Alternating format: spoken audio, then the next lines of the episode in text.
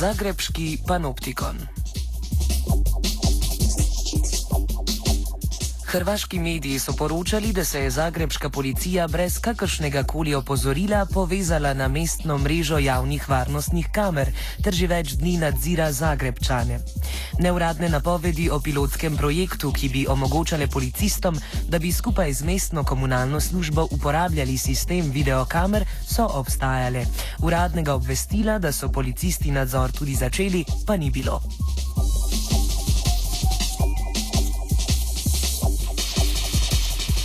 Zagrebska mestna uprava je v zadnjih treh letih namestila približno 220 kamer na več kot 75 lokacijah v mestu, predvsem z namenom preprečevanja prometnih prekrškov.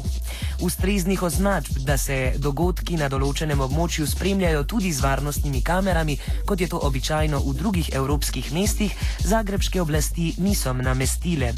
V začetku leta so hkrati napovedali, da bodo namestili še 150 kamer na dodatnih 50 lokacijah.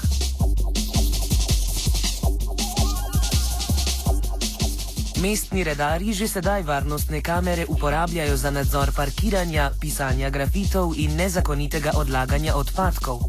Posnetki naj bi se, kot pravi policija, izkazali za koristne tudi v primeru razkritja več storilcev kaznjivih dejanj, kot je bila naprimer skupina, ki je januarja letos na trgu Bana Josipa Jelačiča potaknila eksplozivno telo.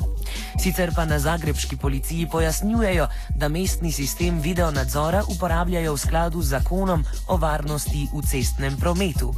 Pojasnili so tudi, da morajo policisti za uporabo določenih posnetkov iz javnih varnostnih kamer dobiti dovoljenje nadrejenih, zavezani pa so tudi k varovanju podatkov.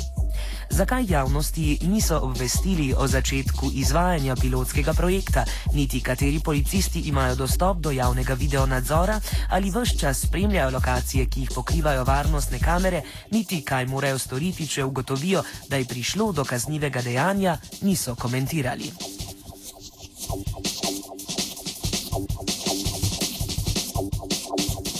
O situaciji smo spregovorili s hrvaškim novinarjem Dragom Hedlom in Gordanom Bosanacom iz Zagrebskega centra za mirovne študije.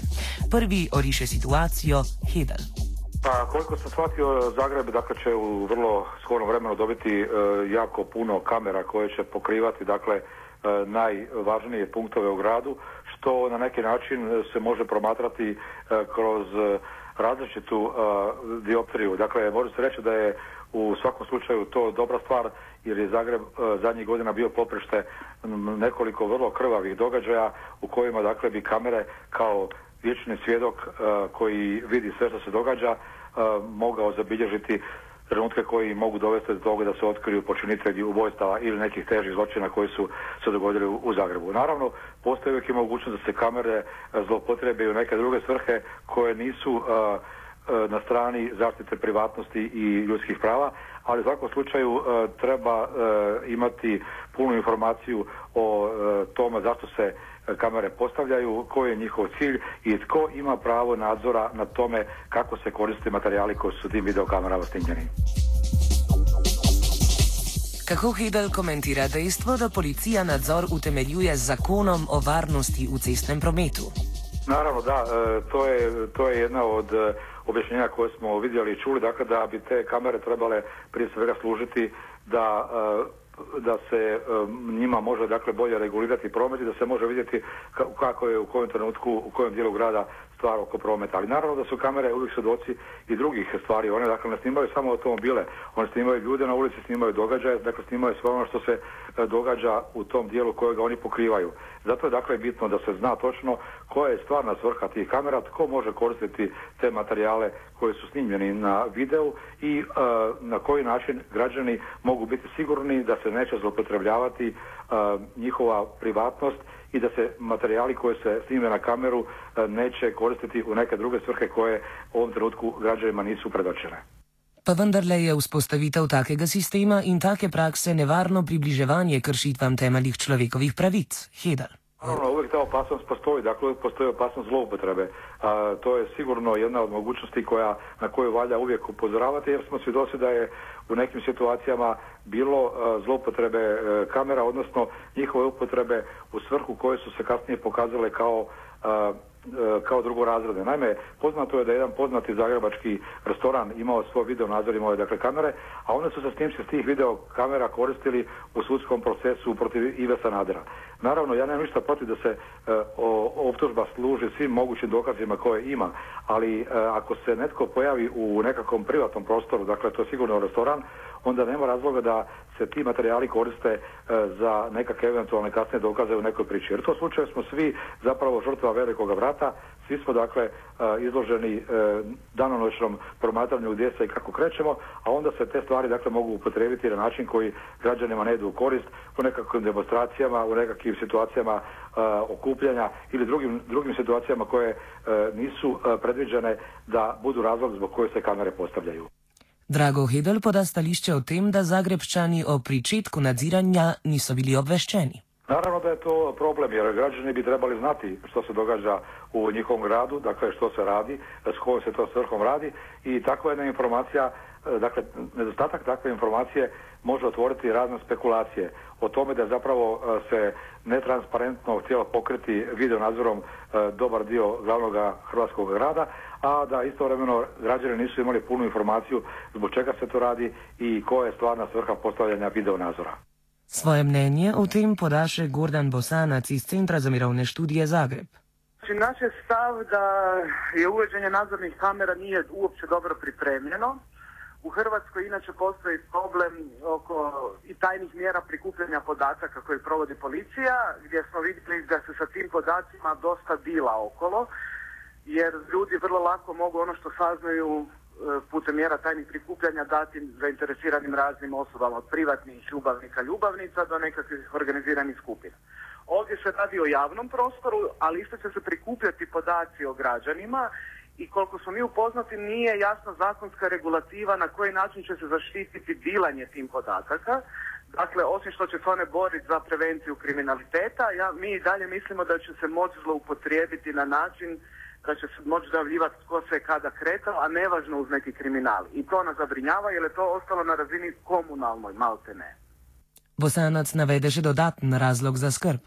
Nama sama činjenica da nije dovoljno regulirana zlouporaba je već zabrinjavajuća. Sad da li će to netko iskoristiti ili neće, mi se bojimo da hoće. Jer vidjeli smo upravo kako policija koja smije, na primjer, tražiti ispise mobitela bez ikakvih sudskih naloga jer to vrlo često zloupotrebljavala, a ovdje idemo na još jedan niži nivo, znači komunalni redari prikupljati, gledati šta se dešava u gradu, pa onda će tu gledati i policija. Znači preveliki broj ljudi ima dostup tim bazama podataka, a regulacija i kazne za zlouporabu nisu dovoljno jasno e, definirane. Hidal pojasni, ali je vzpostavitev takega nadzora v Zagrebu posledica splošne situacije na Hrvaškem. Pa situacija u Hrvatskoj je složena, dakle situacija je vrlo teška, to je opće poznata stvar, kriza je uhvatila velikoga maha i ljudi su nezadovoljni. Sigurno da se nezadovoljstvo može manifestirati na razne načine, što smo svjedoci u mnogim gradovima, ne samo u Hrvatskoj, nego i u Europi. Dakle, ljudi mogu s pravom iskazivati svoje nezadovoljstvo. Naravno, pri tome je bitno da se poštuju neki demokratski standardi, da se ne uništava imovina, da se ne dovodi opasnost životi ljudi.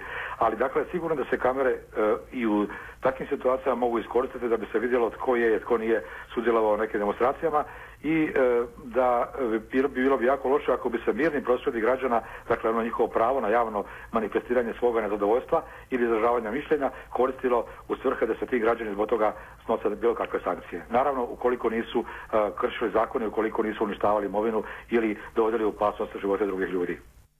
Bi bilo po mnenju Hedla mogoče, da bi po vzoru Zagreba sistema nadzora uvedli tudi v drugih hrvaških mestih? Pa vjerojatno će drugi gradovi poći primjerom Zagreba jer je imao slične probleme kao što ima i Zagreb, ali Zagreb je centar Hrvatske, tu, se dakle lomi sve što je bitno i važno.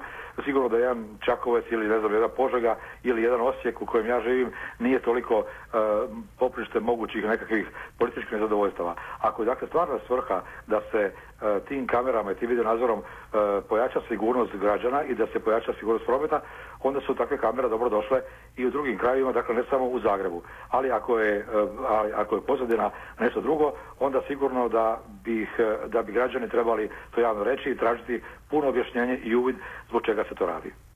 Je poostrovanje nadzora v Zagrebu posledica skorajšnjega hrvaškega priključevanja Evropski uniji? Da, Hrvatska 1.7. evo postaje članica Europske unije. Pa sam siguran da će i to biti jedan od razloga da se dakle da se dakle poštuju europski standardi kad su u pitanju e, takve i projekti i takve stvari.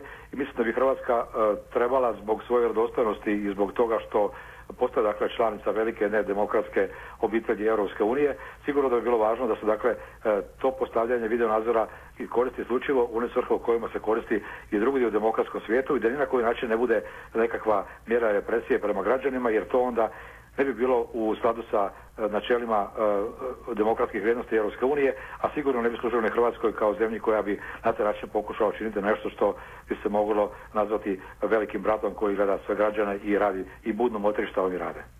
Hidel komentira še, ali je mogoče, da bodo Zagrebčani na videonadzor reagirali podobno, kot so to storili meščani Maribora v primeru radarjev.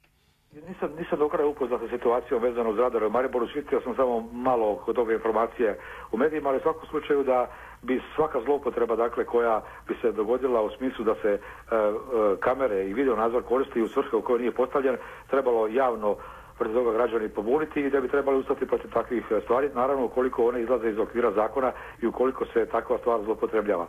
Jer zlopotrebe su moguće uvijek i svugdje i u svakom slučaju uh, treba jasno razlučiti što uh, taj video nadzor u kojoj mjeri on koristi, dakle sigurnosti građana i u kojoj mjeri on koristi sigurnosti prometa ili nekim drugim stvarima za koje je postavljen, a u kojoj mjeri on može biti kontrola nad građanima i sputavati njihovo demokratsko pravo da se okupljaju, da demonstriraju i da iznose svoja politička stajališta. In še mnenja bosanaca na enako vprašanje. E, meni se čini, nažalost, da u Zagrebu ne postoji taj neki društveni kapital koji, gdje bi ove nadzorne kamere mogle biti neki trigger za malo veći bunt e, prema općenito politici u Hrvatskoj.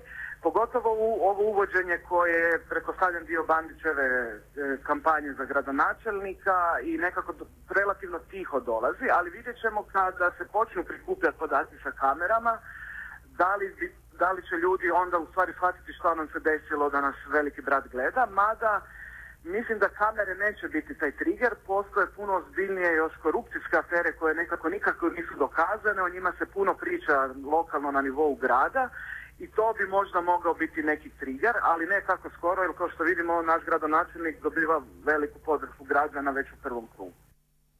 Offside sta pripravila Polona in Matej, vsi pa upamo, da se bo na kakšni od zagrebskih kamer pojavila izgubljena Hilda Tožak.